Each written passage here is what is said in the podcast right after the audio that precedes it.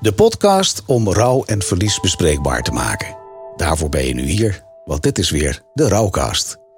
In de studio zit niemand minder dan Pieter van der Hoest. Pieter, aan jou het woord, want we hebben ook Gijs van der Zanden hier naast ons zitten. Maar ik geef het woord aan jou. Yes, dankjewel Victor. Ja, vandaag uh, hebben we Gijs van der Zanden uh, erbij. Um, Gijs die verloor op zijn uh, negentiende zijn, zijn vader. Um, hij is een journalist en eigenlijk verloor hij vier jaar na het overlijden van zijn vader zijn moeder. En over zijn rouw heeft hij een heel bijzonder boek geschreven. Mm -hmm. um, in de dingen die je vergeet, Rouw voor beginners, onderzoekt Gijs van der Sande wat het betekent om te rouwen nadat hij als jonge twintiger allebei zijn ouders onverwacht verloor. Um, Gijs, kan je ons wat vertellen? Wat is de aanleiding geweest voor het schrijven van dit boek? Um, ja, nou, de, de aanleiding was het overlijden van mijn ouders. Um, specifieker denk ik het, dat ik er al heel gauw achter kom, dat, kwam dat rouw voor mij heel erg ingewikkeld was. Ik vond het heel erg ingewikkeld om als twintiger um, uh, ja, zoveel verdriet te hebben. Terwijl ik tegelijkertijd geacht werd om een heel meeslepend en geweldig leven te leiden. Um, dus ik, ik, ik vond rouwen ingewikkeld. Ik wist helemaal niet zo goed hoe dat moest. Uh, niemand, niemand had me dat ooit verteld, hoe je moet rouwen. Uh, en ik kwam erachter dat uh, er ook veel maatschappelijk, maatschappelijk ongemak hangt rondom rouw. Mensen willen liever niet dat je, dat je verdrietig bent. Mm. Um, dus ik, ja, ik kwam daar een beetje mee in de knoop. Ja. Ja, en mensen, bedoel je dan, mensen willen liever niet dat je verdrietig bent omdat ze willen dat je gelukkig bent en dat er geen ruimte is voor je verdriet dan? Ja, ik denk dat mensen heel snel geneigd zijn om um, rouw bij de ander weg te willen nemen. Dus um, de, he, ga maar na, heel vaak als we, als we iets zeggen over tegenslag... Of, of het kan elke vorm van verlies zijn... dan zeggen we, zeggen we heel snel... oh, maar gelukkig heb je wel mooi afscheid kunnen nemen. Oh, maar gelukkig schijnt het zonnetje zo mooi vandaag. Um, we, we, we, we zijn niet goed in staat om gewoon te zeggen... jeetje, wat rot voor jou. En wat, wat erg voor je. Punt. Ja, ja, ja heel, heel herkenbaar. Ik verloor zelf op mijn achttiende mijn vader. En uh, ook aan het begin van mijn studententijd. En ja, dat was voor mij ook echt een periode waarin je eigenlijk ruimte wil hebben voor je, voor je rouw. Maar je omgeving beweegt door. En dat is allemaal heel erg positief. En dan ja, voel jij je eigenlijk een beetje abnormaal. Voel jij een beetje ja, de vreemde eend, zeg maar. Um, voordat wij daar wat, wat meer in, op ingaan, op dat, dat inhoudelijke van oké, dat er ook een maatschappelijk probleem is eigenlijk. Um, kan je ons misschien wat meer terug meenemen in, in jouw rouwproces? Wat, wat is er precies gebeurd?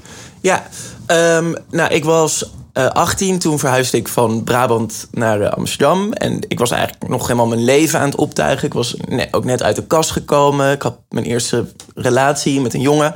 En alles zag er heel erg veelbelovend en, en leuk uit. Ik was begonnen aan een studie Nederlands. Um, en ik zat in het tweede jaar. en eind december 2005 was dat. Kreeg ik ineens een telefoontje van mijn moeder. Um, dat mijn vader heel plotseling overleden was. Uh, hij was gewoon letterlijk dood neergevallen. Hij, dus mijn ouders gaven een etentje en hij ging boven muziek uitzoeken en ja, is daar aan zijn harp bezweken. En dat was totaal onverwachts, want voor zover we wisten had mijn vader uh, helemaal geen, geen gezondheidsklachten of wat dan ook. Dus dat was een ramp. Hmm. Um, Hoe oud was jouw vader toen? 57, ja. Um, en um, nou goed, toen brak er natuurlijk een periode van rouw aan. Een, een periode waarin we op zoek moesten naar nieuwe richting in ons leven. Uh, ineens waren we een gezin. Ik heb twee oudere zussen. Ineens waren we een gezin bestaande uit vier personen in plaats van uit vijf personen. En mijn moeder had natuurlijk vreselijk veel verdriet, want zij was haar partner verloren. Mijn zus en ik hadden heel veel verdriet, want wij waren onze vader verloren. Um, stukje bij beetje kwam ik erachter dat je na een verlies toch wel weer op een gegeven moment je weg vindt. Um, dat je. Uh, ja, ik vind verwerken dus een heel ver, verschrikkelijk woord. Maar wel dat je. Um, uh, ja, dat het leven weer een beetje een nieuwe vorm krijgt. Nou ja, en dat was aan het gebeuren. En vier jaar later. Um, was ik bijna afgestudeerd. En ja, dachten we dat de toekomst ons weer een beetje tegemoet lag. Maar toen ging mijn moeder ook dood. Zij, mijn moeder was uh, uh, plotseling, net even plotseling als mijn vader, uh, viel ze ook neer. Ja. ja. Gewoon op bijna dezelfde. Ja, ook van mijn moeder wisten we niet dat zij gezondheidsklachten had. Um, behalve dan dat ze na de dood van mijn vader. Hè, maar dat zijn allemaal achteraf dingen. Mm. dachten mijn zus en ik wel van ja, ze was wel wat, net wat dikker geworden. Ze pakte wat vaker de auto in plaats van de fiets. weet je, maar goed, dat is allemaal terug, terugredeneren. Um, feit is dat mijn moeder er, er, op, er ook niet meer was. En um, nou ja, goed, in mijn boek beschrijf ik vrij, um, vrij expliciet hoe dat was. Dat, dat was een vreselijke ervaring. Ik was thuis dat weekend en ik heb, daar ben ik achteraf blij om. Uh, maar goed, ik, heb, ik, ja, ik was daarbij. Dus dat, Jij hebt er gevonden. Ik heb er gevonden, ja.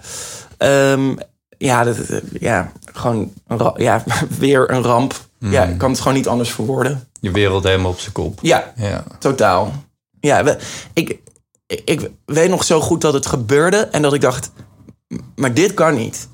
Dit, dit kan niet. Nee, het kan niet. En mijn vader, of, nee, dit, dit bestaat niet. Dit kan gewoon niet. Maar ja, het kan dus wel, zeg maar. Dus het, het leven kan gewoon kei en keihard zijn. Nog veel harder dan je, dan je, um, dan je voor mogelijk acht. Ja. Een soort gevoel van uh, onmacht en ook waar heb ik dit aan verdiend? Of waar, waarom gebeurt dit allemaal? Ja, die vraag heb ik mezelf wel, uh, wel af en toe gesteld. Mm. Ja, van hoezo, hoezo gebeurt dit? Wat is dit, wat is dit vreselijk oneerlijk? Dit, dit, hadden we toch, dit hadden we toch niet bedacht? Dit was niet de bedoeling. Maar kijk, ik ben niet uh, religieus. Mm. Um, dus ja, ik, ik kon, met dat gevoel kon ik niet echt ergens naartoe. Er is niet een loket waar je aan kan kloppen en kan zeggen: hé, hey, yo, dit was niet de bedoeling. Ik wil mijn geld terug. Ja, ja nee, zo. zo uh, het levensloket. Ja, precies. Nee, zo, maar wat, was dan, wat was dan wel de manier waarop je ermee omging? Ja, dat is een goede vraag. Um, ik, ik weet niet of ik daar een, een heel sluitend antwoord op heb. Ik, ik denk dat. Wat, ik denk dat die die vraag, waar heb ik dit aan verdiend? Ik denk dat ik gewoon die. Um, ik denk dat ik me er gewoon toch mee he, op een of andere manier mee heb verzoend. Gewoon van, van ja, dit, dit is dus kennelijk wat er in mijn leven is gebeurd. En daar, daar moet ik op een of andere manier mee omgaan. Ik, ik, ik, ik vond geen troost in, um, in, in het idee dat, dat het zo heeft moeten zijn. Of, of wat dan ook. De troost voor mij zat er toch meer in van ja, eigenlijk meer gewoon in de keiharde re realiteit, gek genoeg. Maar was, was er überhaupt troost? Um, aan het begin niet. Nee. Nee, aan het begin niet echt, denk ik. Maar troost zat er uiteindelijk wel in dat er gewoon natuurlijk een heleboel mensen uh, voor ons in de bres sprongen. En, en uh, ja, voor mij en mijn zussen ja, ons, ons bij hebben gestaan. En vrienden en familie. En um, dat we, we hebben het niet alleen, helemaal alleen hoeven doen in die zin. Ik heb me wel heel erg gesteund gevoeld door andere mensen. Dus ik denk dat dat troost, dat dat troost is. En wat ook troost is, is dat ik um, ja, het geluk heb dat ik twee hele fijne ouders heb gehad. Dus dat ik um, uh, eigenlijk vooral warme herinneringen aan ze heb. Dat vind ik ook troostrijk. Ja. ja.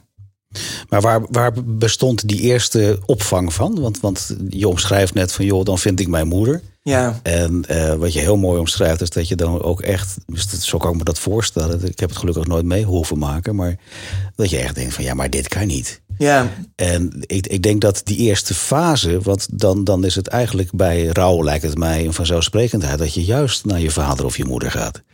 En die zijn er dan niet. Nee, dat, dat klopt. Dat, dat, dat zeg je heel treffend. Dat, dat was heel erg paradoxaal aan die eerste, die eerste momenten. Vooral nadat me, want toen mijn vader overleed, had ik mijn moeder dus nog. Dus toen kon ik nog in mijn moeders schoot, mijn moeders schoot Ja, kruipen, hè, bij, ja. bij wijze van spreken. Ja. Nou, niet eens bij wijze van spreken. Dat, eh, heb ik was letterlijk zo, gedaan. Ja. Maar ehm, eh, inderdaad, toen, ik, ik, toen ook mijn moeder er, er niet meer was, weet ik nog heel goed. Ik moet, ik moet mensen bellen, dacht ik. Ik moet mensen bellen. En ik dacht, wie, moet ik nu nog bellen? Ja. Waar, waar moet ik nu Ja, waar moet ik, waar, moet ik nu naar? waar- de- Ik belde natuurlijk mijn zussen en ik belde eh, mijn tante, de oudste zus van mijn moeder. Ehm, maar er, meteen was duidelijk dat, die, dat, dat, dat dat vangnet, dat altijd, ja, dat 23 jaar lang zo vanzelfsprekend voor mij was in mijn leven, dat dat er gewoon niet meer was. Nee. Nee. En dat blijft een gemis. Dat, dat is. Tot op de dag van Ja. vandaag, denk ik. Ja, absoluut. Dat is niet. Ik bedoel, ik heb mijn leven zo ingericht dat ik. eh, ik, ik red het prima in mijn eentje. Ik, ik, ik, ik, ik kan mezelf. Ik, ik, ik kan goed voor mezelf zorgen. Ehm, maar af en toe zijn er nog wel eens momenten van kon ik maar naar mijn ouders. Ja. Ja. Kon ik maar naar huis. Ja, kon ik maar gezegd. naar huis. Kon ik nog maar even kind zijn. Ja, Ja. Ja, precies. Ja. En dat is, weet je, en dat is een gevoel dat laat zich, dat laat zich moeilijk aan andere mensen, aan mensen uitleggen die dat niet kennen. Ehm, ik- weet je, bijvoorbeeld, ik merk het ook wel eens. Bijvoorbeeld, ik ben freelancer en ehm, eh, soms gaan de zaken goed, soms gaan de zaken wat minder. En als de zaken even wat minder goed gaan, dan is er bij mij altijd zo'n van altijd zo'n gevoel van shit, ja, ik moet het wel zelf oplossen. Er is gewoon niet een. Ik, krijg, hè, ik, ik merk zo vaak bij vrienden dat die dan ergens denk ik, hè, en dan ga ik even vanuit dat je een goede band hebt met je ouders. Hè, want dat kan natuurlijk ook nog, dat je, wel, dat je ouders nog wel leven, maar dat ze om andere redenen niet beschikbaar zijn. Maar de, volgens mij is er bij heel veel mensen, ook van mijn leeftijd, ik ben 35, toch nog altijd het idee van, oh, als ik echt in de shit kom, dan zijn papa, komen papa en mama me wel redden. Ja, dat, die luxe he- heb ik niet. Dus, dus Je hebt altijd het gevoel dat er een soort nooduitgang is. Ja, dat is exact. een het idee. exact. En die nooduitgang is er nu niet. Nee.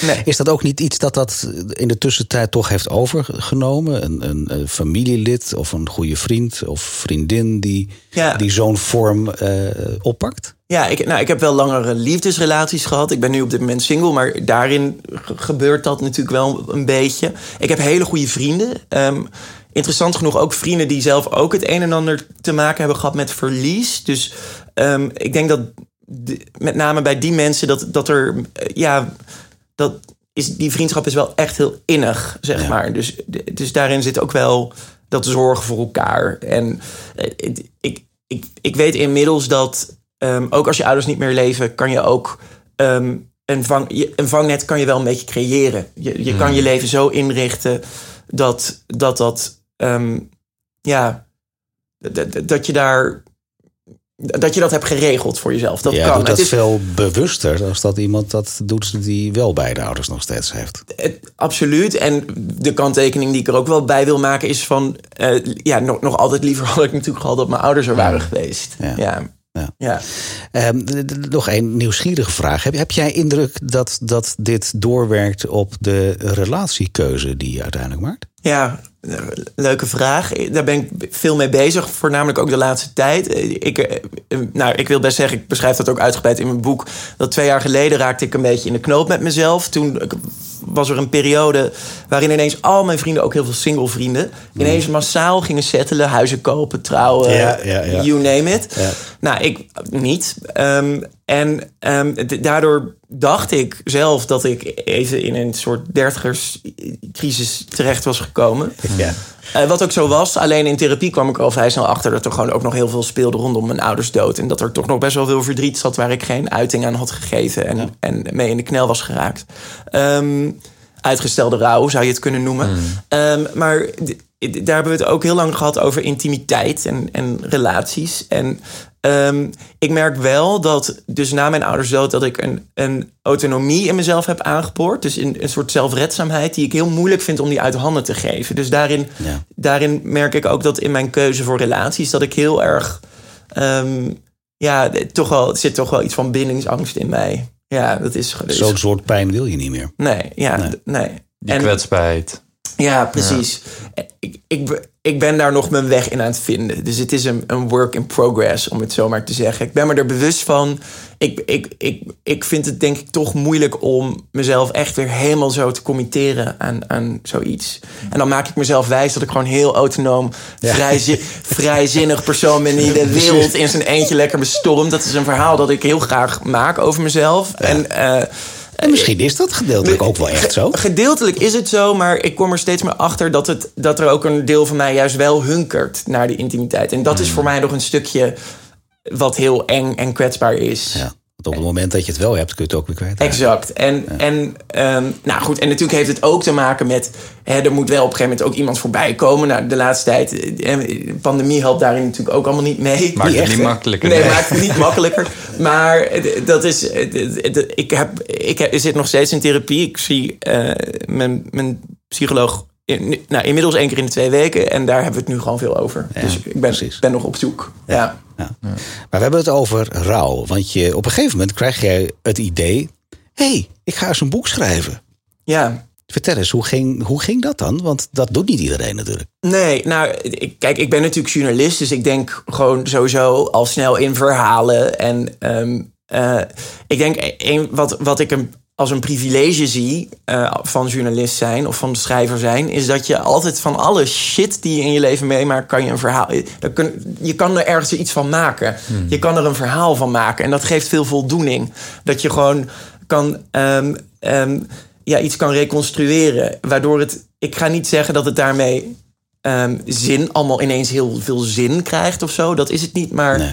je krijgt er misschien wat meer vat op. Je krijgt er misschien wat meer grip op. Ehm, en die behoefte voelde ik sterk. Om, om dat wat er in mijn leven was gebeurd wat beter te begrijpen. Maar is dat dan een soort therapeutisch effect geweest? Ik, achteraf denk ik het wel. Ja, zeker. Achteraf denk ik het wel. En hoe dat is begonnen is... ehm, eh, ik, ik schreef al best wel... Ik schreef gewoon al stukken. Ik had, ik had gewoon mijn freelance eh, praktijk. En op een gegeven moment... Eigenlijk maar dat onderwerp waar ik nooit over schreef... dat was de dood van mijn ouders, over rouw. En in 2017 dacht ik... Oké, het wordt daar gewoon ho- de hoogste tijd voor. Ehm, en toen heb ik een heel persoonlijk stuk, stuk daarover geschreven in Trouw. En nou, dat, dat leidde uiteindelijk tot, eh, tot een boekcontract. Ja. Ja, want ik las ook dat het, je vertelde over een reis waarop eh, je was gegaan. Ehm, ik, zoiets had ik gelezen dat Ja. je op een reis was gegaan wat heel veel emotie bij jou omhoog Ja, oh ja. Heel veel herinnering aan je ouders. Met, met de- dat het in een sneeuwstorm Ja. beland was. Kan je daar wat over vertellen? Dat dat intrigeerde me heel erg Dat, namelijk. dat was een heel dramatisch eh, moment. Ik was toen overigens al, al langere tijd bezig met mijn boek. En ik kwam er eigenlijk tijdens het schrijven achter dat, dat het gewoon niet helemaal lekker ging of zo. Dat, de- dat de woorden niet echt goed uit mijn, uit mijn pen vloeiden. Eh, en nou, dat was ook, ook een reden voor mij om in therapie te gaan. En toen zat ik al in therapie. Zeg ik dat nou goed of daarna? Nee, daarna pas. Ehm, het was enkele maanden voordat ik me realiseerde... ik moet, ik, ik, ik moet in therapie gaan. Eh, ik was toen voor mijn werk op eh, persreis ehm, naar Spitsbergen... helemaal in het uiterste noorden van... ehm, ja, vlakbij de Noordpool. Enorm Het is best een net weg, zeg maar. het was een e- eind weg. Ja, nog, nog drie uur vliegen vanaf Oslo, helemaal omhoog. En eh, nou, dat was natuurlijk een geweldige ervaring, want dat is echt een plek. Ja, wanneer, wanneer kom je daar nou, weet je? Dus, eh, ehm, en eh, ja, ik belandde daar in een sneeuwstorm. Dus we gingen met een sneeuwscooter, gingen we dat, dat, die archipel verkennen. Het is, het is, er is dan één nederzettingje en zodra je daar, naar, daar weggaat, is het niks anders dan sneeuw en ijs en woestenij en een ongelooflijk prachtige ervaring. Op, Ja. Ehm, en ehm, eh, we, we reden weg met die sneeuwscooter. En het, het, het was al voorspeld dat er heel slecht weer zou komen. Ehm, dus het was ook maar de vraag hoe ver we zouden komen die dag. En ehm, in een kolonne gleden we dan over zo'n sneeuwvlakte. En de, de hemel was gitzwart. En op een gegeven moment begon het te sneeuwen. En het hield niet meer op. Het begon te waaien. De wind was aan het huilen. Ehm, ik kon niks meer zien. Gewoon, ik wist niet meer wat links was, wat rechts was, wat boven of onder was. En daarin gebeurde er iets met me. Ja, Wat dat- dan? Nou, eh, eh, overmand door, door emoties. Gewoon, ja. Gewoon, ik voelde zoveel eh, verdriet. Maar had dat te maken met de omstandigheden? Of was het was dat, alsof die, hoe ik het een beetje, me, het, het klinkt misschien een beetje raar, maar het was alsof, alsof de elementen het gewoon uit me trokken. Gewoon, ik, kon, ik had daar gewoon geen enkel filter meer. Je- kon niet anders Nee, meer. er was echt geen enkele andere optie dan, dan daar ehm, uiting geven aan dat verdriet. Dus ik begon heel hard te huilen en te schreeuwen. En ja, het was heel absurd eigenlijk. Maar, Waarom? Nee hoor. Nou, eh, absurd, nee, dat formuleer ik niet goed. Maar meer van, ehm, kijk, eh, op de grachten in Amsterdam zou ik dat natuurlijk niet zo snel doen. Dus ik moest daarvoor wel uh, naar het uiterste puntje van de aarde. Ja, maar aan de andere kant, het was misschien de gelegenheid, het was de tijd er ook voor. En zoals je het omschrijft, kan ik me wel wat bij voorstellen. Ja, het, het, het, was, de, het was de hoogste tijd, denk ik. En nou, dat gebeurde daar. En het, Vind je daar zelf wat van dan? Want je, je zegt het bijna op een verontschuldigende manier. Het was voor mij, ja, goed, goed doorgevraagd. Het, het was voor mij, het, denk ik, een beetje het spannendste hoofdstuk om te schrijven in het boek omdat het zo naakt is. Het, het, het was hmm. zo naakt. Emotioneel naakt. Ja, het was een heel naakt moment. En het, het voelt bijna een beetje banaal om daar, om daar zo over te gaan praten of zo. Ik kan niet zo goed uitleggen. Het, het, het, het was een heel bijzonder moment. Ik denk een van de meest bijzondere momenten in mijn leven. En um, ik ben blij dat het is gebeurd. En Want, wat, wat deed dat met jou dan? Het, het, nou, een aantal dingen. Um, allereerst ervaarde ik daar hoe uh, goed het voelt om zo schaamteloos uiting te geven aan je emoties. Dat is iets wat ik eigenlijk. Wat er echt in zit, komt er ook echt uit. Ik zou dat eigenlijk iedereen wel gunnen om dat een keer uh, zo, uh, zo mee ja, te maken. Spitsbergen is wel ontzettend ja, weg. Nee, ja, dat is inderdaad heel fijn. Laten we dat ook vooral niet aanmoedigen, want klimaatverandering en ja, precies. Nee. Maar. Op de gracht mag het. Ja, precies. Maar nee, dat was, dat, dat was gewoon heel erg uh, ja, ongeëvenaard. Ik had nog nooit eerder. Zo, ik heb nog nooit zoiets meegemaakt. En het, het, Sommige mensen zullen dat overigens omschrijven als een beetje goddelijk.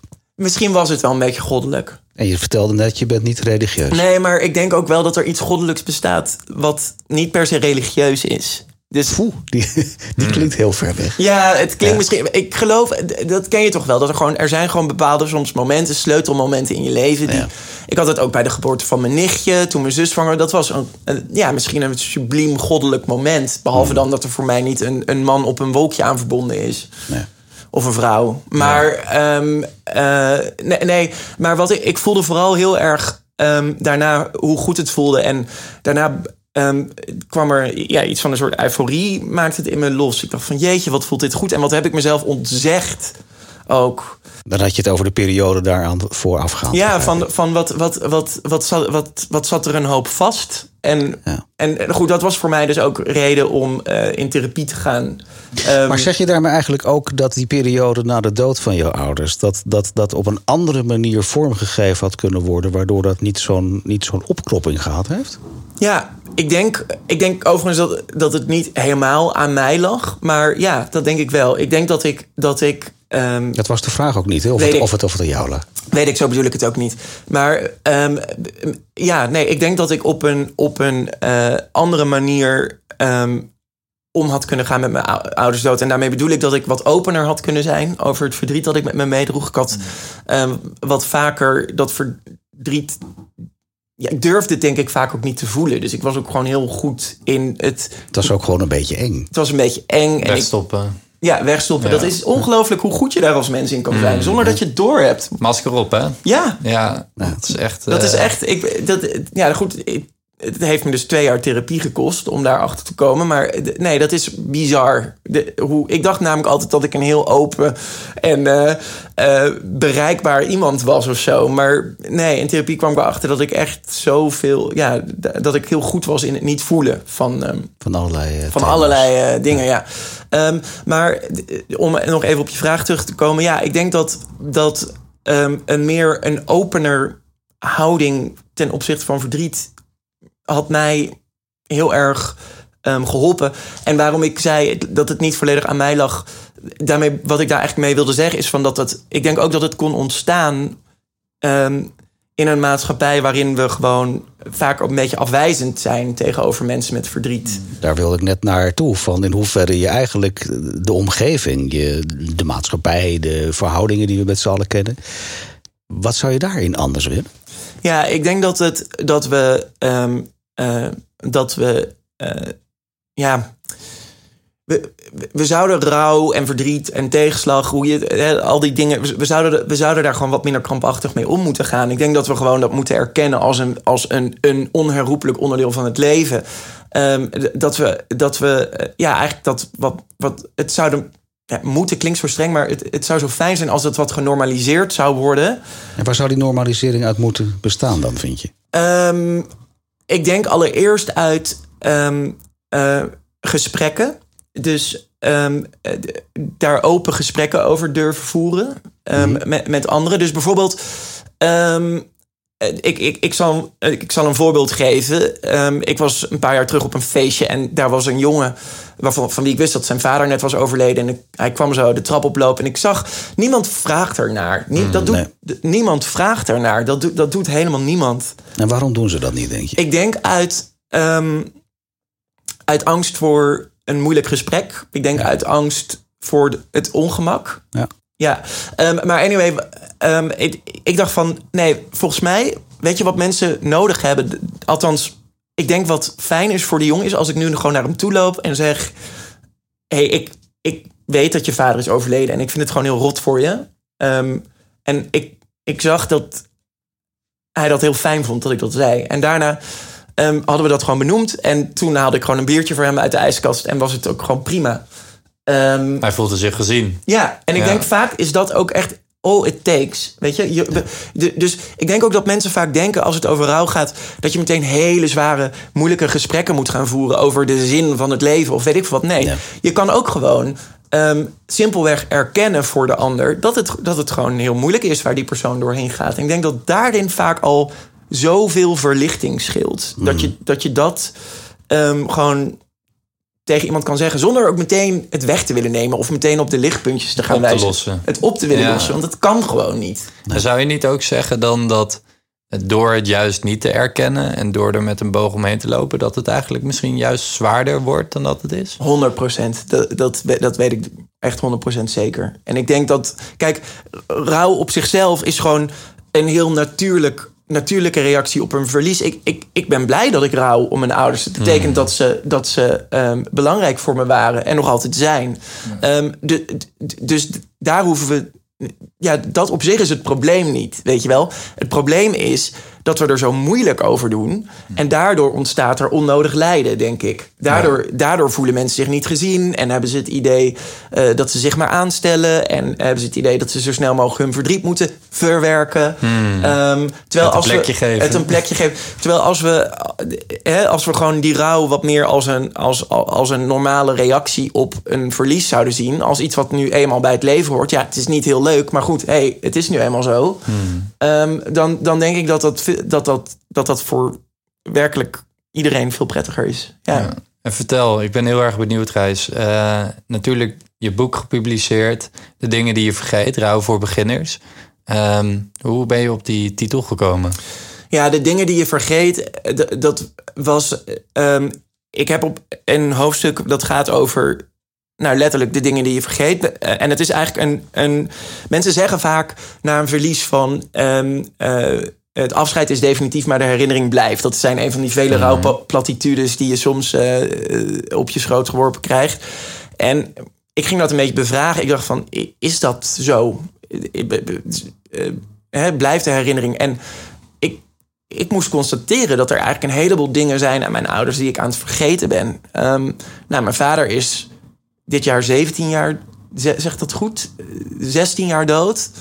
Ehm, mijn moeder 12 jaar. Ehm, ja, dan ga je gewoon on- onherroepelijk dingen vergeten. Dus wat ik in het boek schrijf is... Ik, ik weet niet meer wat mijn ouders aten voor het ontbijt. En dat klinkt heel random of niet belangrijk. Maar Ja. ik vond dat toch verdrietig. Want ehm, ja, het zijn juist dat soort kleine dingen... die ook iemand maken tot wie ze zijn. En eh, eh, ook hun stemmen ben ik aan het vergeten. Ehm, en we- weet je, dat zijn denk ik ook een beetje de ongemakkelijke waarheden... waar we ook liever niet over spreken als het gaat over rouw. Nee, we willen, dat willen we ook horen. We willen ook horen dat de herinnering blijft. Het moet, er moet altijd een silver lining zijn ergens. Het moet altijd toch nog een lichtpuntje zijn. Nou, ik denk dat dat er niet altijd is. En Maar wat vind je daarvan dan? eh, waarvan precies? Dat je dat kwijtraakt? Ja, ik vind dat verdrietig. Ja.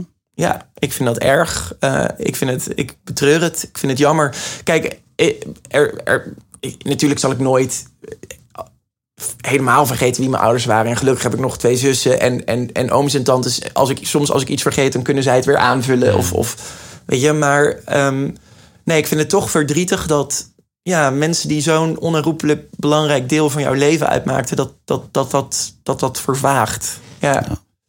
Maar dat is ook een beetje een filosofische vraag. Hè? Van, van, van, ehm, ook al zouden je ouders nog geleefd hebben en, en eh, jaren later een natuurlijke dood gestorven zijn.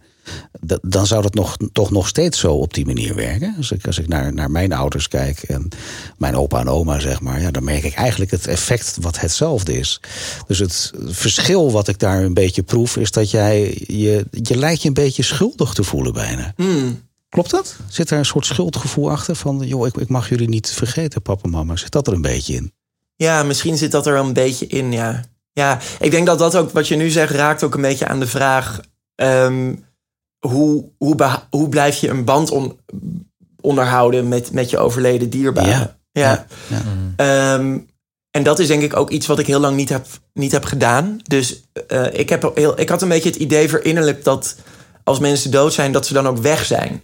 Ja. En, dat, um, en Um, nou, feitelijk is dat zo. Fysiek zijn ze er niet meer. En uh, kijk, nogmaals, ik, ik, ik, ik geloof niet dat, dat mijn ouders nog ergens rondzweven of zo. Dat, dat, hmm. dat denk ik niet. Maar het, ik, het, mede door het schrijven van het boek realiseerde ik me... nee, maar dat betekent niet dat je geen verstandhouding met ze kan hebben. Ik kan, ik kan, ze, ik kan ze bijvoorbeeld Um, en dat probeer ik nu ook wat bewuster en vaker te doen. Van in, in alledaagse gesprekssituaties kan ik hun naam wat vaker noemen. Ik kan wat vaker ook met vrienden, um, als zij het hebben over hun ouders, hield ik me vaak heel erg afzijdig. Want ik dacht van ja, oh ja, dan ga ik het nu ook over de muzieksmaak van mijn dode vader hebben. Hmm. Um, ik hoorde je aan het begin ook zeggen, ik ben het kind van mijn ouders. Dat zei je aan het begin van het gesprek, zei je dat al. Dus daarmee geef je ook al aan dat die die verhouding er nog wel is voor ja. jou. Het is niet meer van ik ben alleen Gijs. Ik ben nog steeds het kind van. precies, ja. Maar het, het, het, duurde eventjes voordat ik dat door had. Dat je ook de overleden mensen... of mensen die er niet meer zijn... ook nog wel in je leven kan betrekken. Hmm.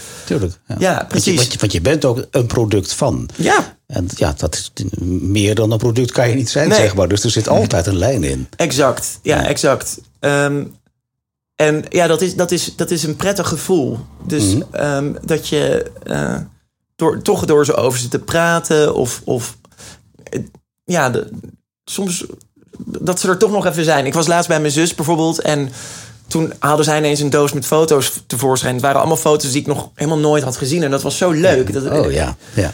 Ineens kwamen ze weer even om de... Alsof ze even om de hoek kwamen gewandeld, weet je wel? Ja, dat, is, dat, is, dat is eigenlijk iets fijners kan je als nabestaande niet, niet hebben, denk ik. Is dat ook niet dat dat juist extra drukt? Dat je dan echt denkt van ja, maar het is wel over.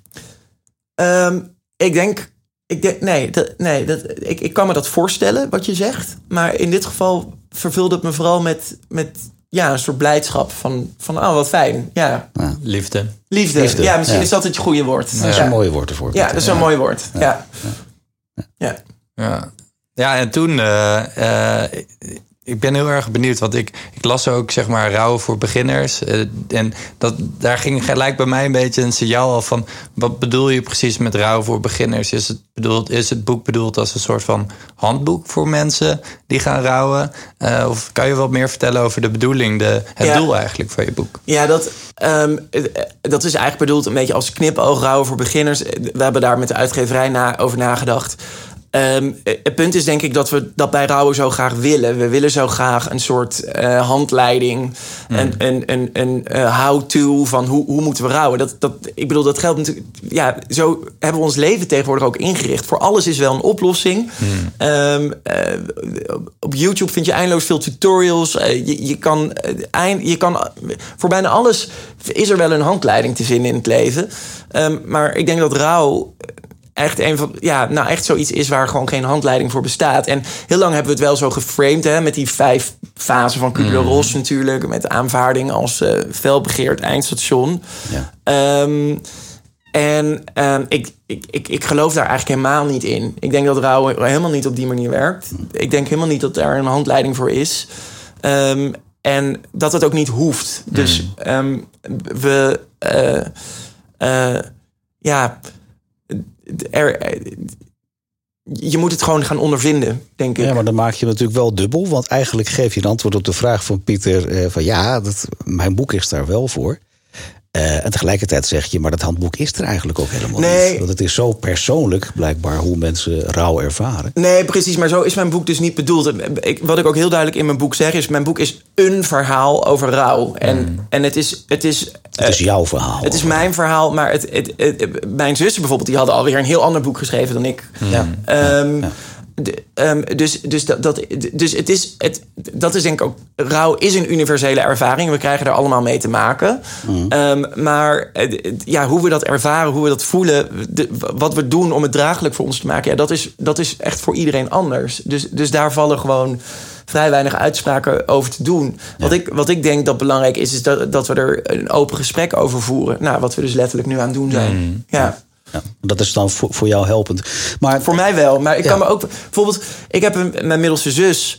ehm, eh, hoeveel zussen heb je? Twee. Twee, dus twee, twee oudere zussen. Eh, Zij houdt bijvoorbeeld helemaal niet van eindeloos filosoferen of eindeloos Hmm. praten. Dat, dat, dat, daar doe je haar echt geen plezier mee. En dat is ook oké. Ja. Maar jij wel. Jij Ik- wil wel. jij, wel. wel, jij wil jezelf uiten hierin. Ja. Maar eh, kun je dan een beetje aangeven wie dan echt jouw boek moet lezen? Wat is, wat is de doelgroep dan? Ja, ik denk mensen die ehm, gewoon. ehm goeie vraag, stel je me hier. Ik denk mensen die. ehm, die, die, die gewoon wat verdiepends willen lezen over rouw. Die, die- dus die, die, die de rouwervaring van iemand gewoon. eh, Ja, willen, die daarover willen lezen. Maar is dat dan ook een geschikt boek voor mensen die eigenlijk nog heel weinig met rouw te maken gehad hebben? Zou je dan ook zeggen, dan moet je hem juist lezen? Ja, ik, ik, nou, ik heb.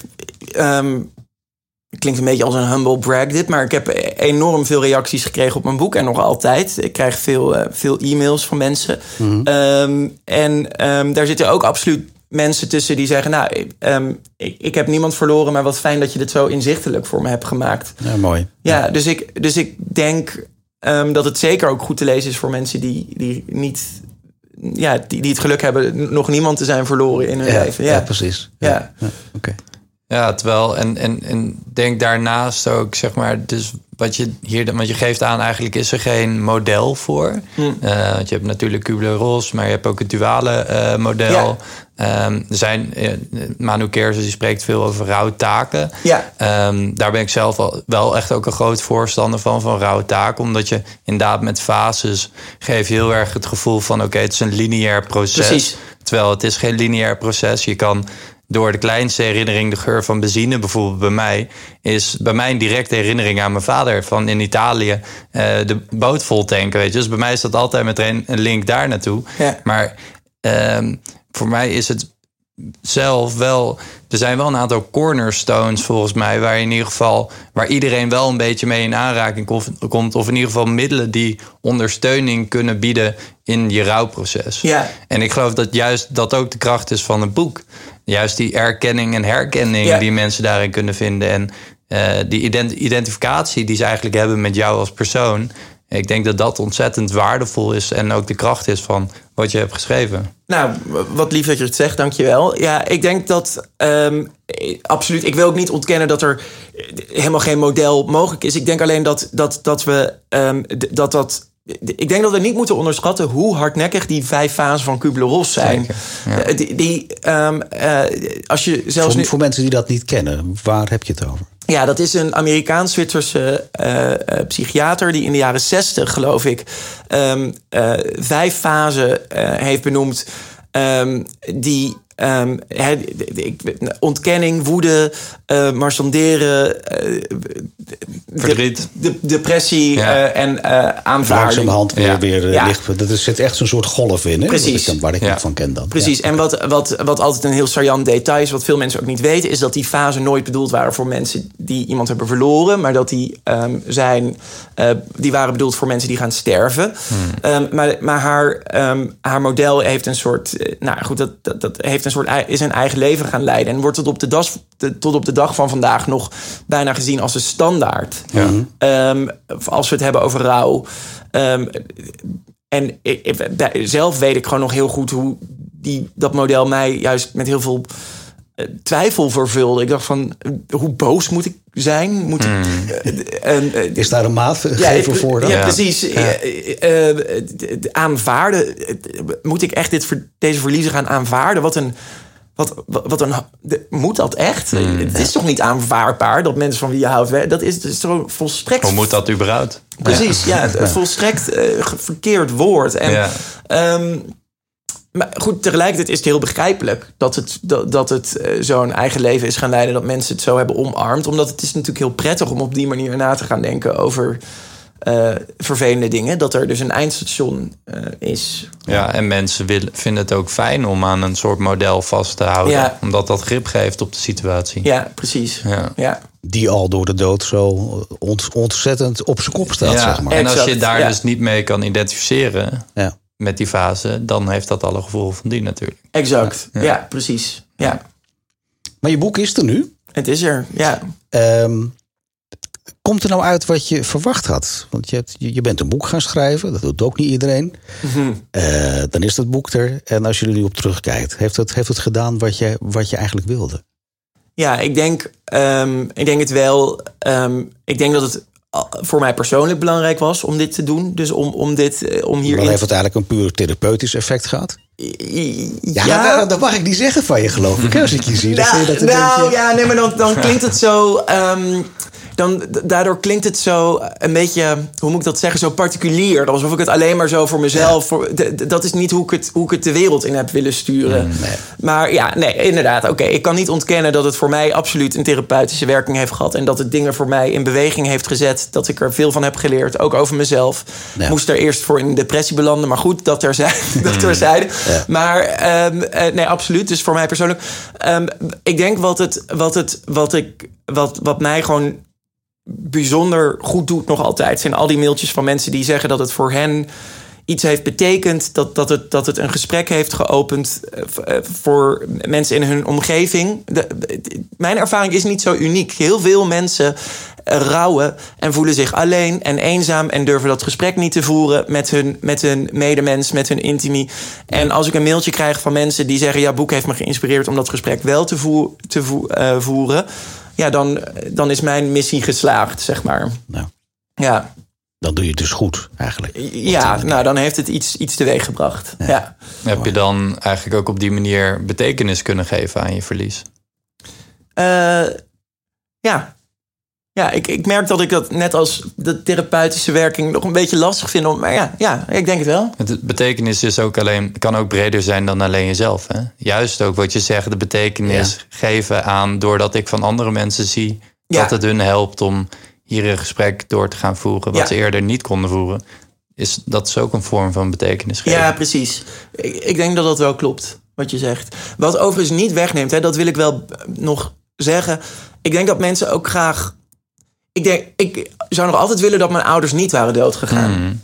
Ja, Nee, dus het ik- is geen ervaring waarop je zit te, te Nee, wachten. nee precies. is het Dus- niet. maar ik denk dus dat mensen dat ook vaak denken van... oh ja, je hebt een boek geschreven, nu is het af of nu is het rond. Nee, dat is ook niet zo. Ik heb nog steeds veel verdriet van mijn ouders dood. En nog altijd zou ik willen dat het niet was gebeurd. Ik heb dat verlies niet aanvaard. Om het zo, om het je zo, houdt nog steeds. Ik hou nog steeds. Je zult ze nog steeds missen. Ook als je vandaag of morgen een nieuwe partner krijgt... wil je ze graag voorstellen aan papa en mama. En dat kan niet meer. Exact. Dat ja. is er niet meer. Nee, precies. Ja. hey, ehm, voor mensen die, die jouw boek nog niet gelezen hebben... Wat voor, wat voor tips heb je voor mensen die, die net startend in de rouw zijn... en wellicht aan deze podcast luisteren? En vanzelfsprekend moeten zij jouw boek kopen. Dat, dat gedeelte snap ik nog. Ja. Maar eh, durf je daar een algemene tip voor te geven? Wat, ga eens terug in de tijd dat jij ervoor stond... Ja. En je zou nou tegen jezelf kunnen zeggen van... eh, Gijs, ik moet dingen anders doen. Wat zou je dan tegen zo iemand zeggen die dan nu luistert? Ja.